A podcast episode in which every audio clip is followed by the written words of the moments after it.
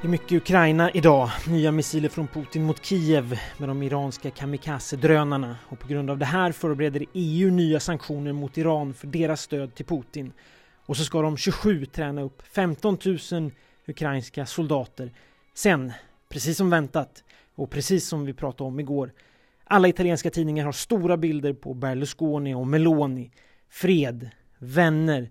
De går gemensamt till regeringskonsultationerna senare i veckan. Allt är frid och fröjd. Det är bilden som spinndoktorerna vill måla upp. Det här är Tidningskrönikan. Nu åker vi. Voglio vederti danzare come dervisci turno che girano sulle spine dorsali al suono di cavigliere del katakali det är tisdag morgon, jag heter Filip Jakobsson och idag är den svenska regeringsbildningen inte helt bortglömd. Även om det inte skrivs jättemycket om att Kristersson igår röstades fram till ny statsminister så är det ändå några tidningar som tar upp det. Med löftet att återställa ordningen i Sverige så vann konservative Ulf Kristersson valet och igår valdes han till statsminister, skriver El Pais som bland annat trycker på att han älskar Tintin och att han har tre adopterade döttrar från Kina. De skriver att han kommer att leda en minoritetsregering med stöd av ultrahögerpartiet SD som enligt El Pais helt öppet är emot muslimers närvaro i hela Europa. Politiken som väntas bedrivas, skriver El Pais, sänkta skatter, sociala nedskärningar och mer makt åt polisen.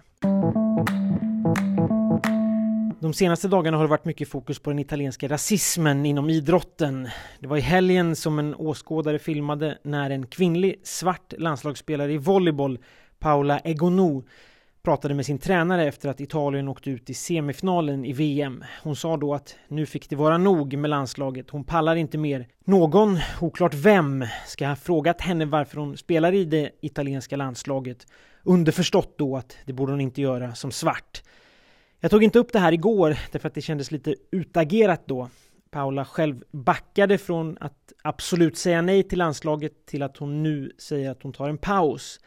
Men idag skriver Il Fatto Quotidiano om en annan händelse med en annan svart italiensk atlet från Italien. 100-meterslöparen Zainab Dosso som ska blivit kallad n-ordet av någon person på en bar i Rom häromdagen hon sa att det hände hela tiden, men att det som gjorde henne verkligt besviken den här gången, det var att ingen gjorde någonting alls när det hände.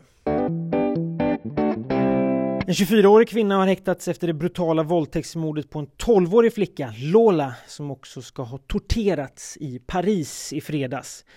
Vi har inte pratat om det här hittills, men Le Figaro har en bra sammanfattande text idag om vad som hände. Det var alltså i fredags kväll som Lola hittades efter att ha varit försvunnen några timmar. Hon hittades instuvad i en plastcontainer på innergården till huset där familjen bor. Något tydligt motiv verkar inte finnas, men eh, mycket verkar tala för att det handlar om ett vansinnesdåd. Le Figaro skriver ganska ingående om den här 24-åriga kvinnan som har häktats. Hon är från Nordafrika och ska tydligen ha haft ett utvisningsbeslut mot sig. Men däremot är hon helt ostraffad sedan tidigare.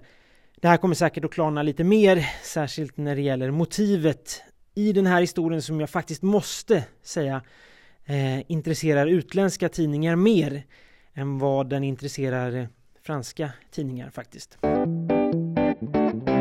Jag pratade med en vän på telefon igår. Han är från Milano men bor sedan många år tillbaka i Stockholm. Han hade varit i Milano i helgen på en snabb visit hos familjen. Det var första gången sedan innan pandemin som han var hemma på besök och han beklagade sig över hur smutsig stan var. Jämfört med Stockholm då vill säga. Det var som en enda stor skräphög sa han. Och jag tyckte det där var lite kul för varje gång som jag kommer till Milano från Rom så slås jag av hur rent och välskött stan är. Jämfört med Rom alltså. Det finns inga berg med sopor i gathörnen och parkerna är välkurerade. De ser inte ut som i Rom som bortglömda industritomter i Fagersta. För att inte prata om gatorna som ju faktiskt är farbara och inte ser ut som i I am Legend, den filmen när Will Smith är ensam i hela New York och resten av mänskligheten har dött ut. Med allt det sagt, idag skriver Romtidningen Il Messaggero om besvikna amerikanska turister som bokat in sig på gatan Via Veneto jag vet inte hur jag ska förklara var den ligger. Eh, den börjar vid en av ingångarna till Villa Borghese. Alldeles i början av den ligger klassiska Harrys bar och sen fortsätter den ner med lyxhotell på båda sidorna och även amerikanska ambassaden hela vägen ner till Piazza Barberini. Den är bland annat med i filmen La Dolce Vita, den här gatan alltså. Men i alla fall, besvikna amerikanska turister var det. Ja, de klagar på att gatan, den här boulevarden som det är tänkt att den ska vara, att den är smutsig, misskött och att det inte alls finns särskilt mycket liv där. Jag promenerade faktiskt där häromdagen och det är ingen höjdare. Café de Paris, som också är med i La Dolce Vita och som var ett kändishäng på 60 och 70-talen. Det är stängt sedan tio år tillbaka på grund av en juridisk tvist. Tidningen intervjuar en företrädare för kommunen som lovar bättring. Nästa år, då blir det ännu bättre, säger han.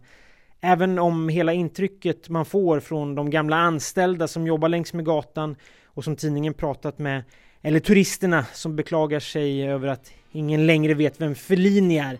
Det intrycket man får, det är att det bästa redan har hänt på Via Veneto. Voglio vederti danzare come le zingare del deserto con candelabri in testa o come le balinesi nei giorni di festa men när det gäller tidningskrönikan, då har det bästa absolut inte hänt än. Även om det här var allt för idag så hörs vi igen imorgon. Ha nu en riktigt bra dag. Voglio vederti danzare come i dervisci turno che girano sulle spine dorsali al suono di cavigliere del catacà